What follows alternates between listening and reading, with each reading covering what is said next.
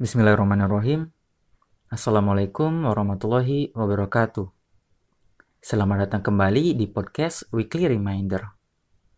Kali ini kita akan mereminder teman-teman tentang gratitude atau bersyukur.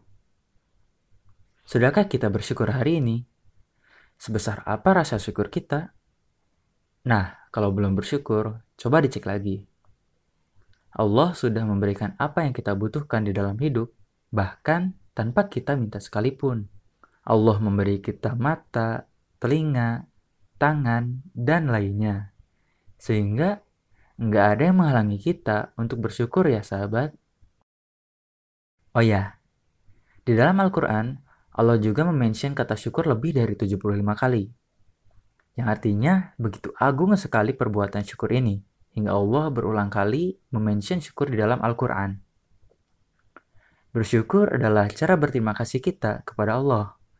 Ibaratnya saat teman-teman diberikan hadiah oleh seseorang, maka secara refleks kita akan mengucapkan terima kasih dan akan selalu berupaya untuk menjaga hadiah tersebut, bukan? Nah, seperti itu pula lah bersyukur. Apa yang Allah beri ke kita dijaga dengan baik dan selalu mengucapkan hamdalah. Segala puji bagi Allah atas apa yang telah kita terima dan dapat. Maka tidak ada hal yang bisa membatasi kita untuk bersyukur, kapan pun dan dalam kondisi apa pun. Nah, berikut ini beberapa manfaat dari bersyukur. Yang pertama, Allah akan menambah nikmat. Yang kedua, diampuni kesalahannya. Yang ketiga, Allah akan melipat gandakan pahalanya. Yang keempat, dihindarkan dari cobaan. Yang kelima, meningkatkan iman. Yang keenam, membuat hati tenang. Yang ketujuh, Allah akan menjanjikan surga. Yang kedelapan, Allah akan memberikan kebaikan.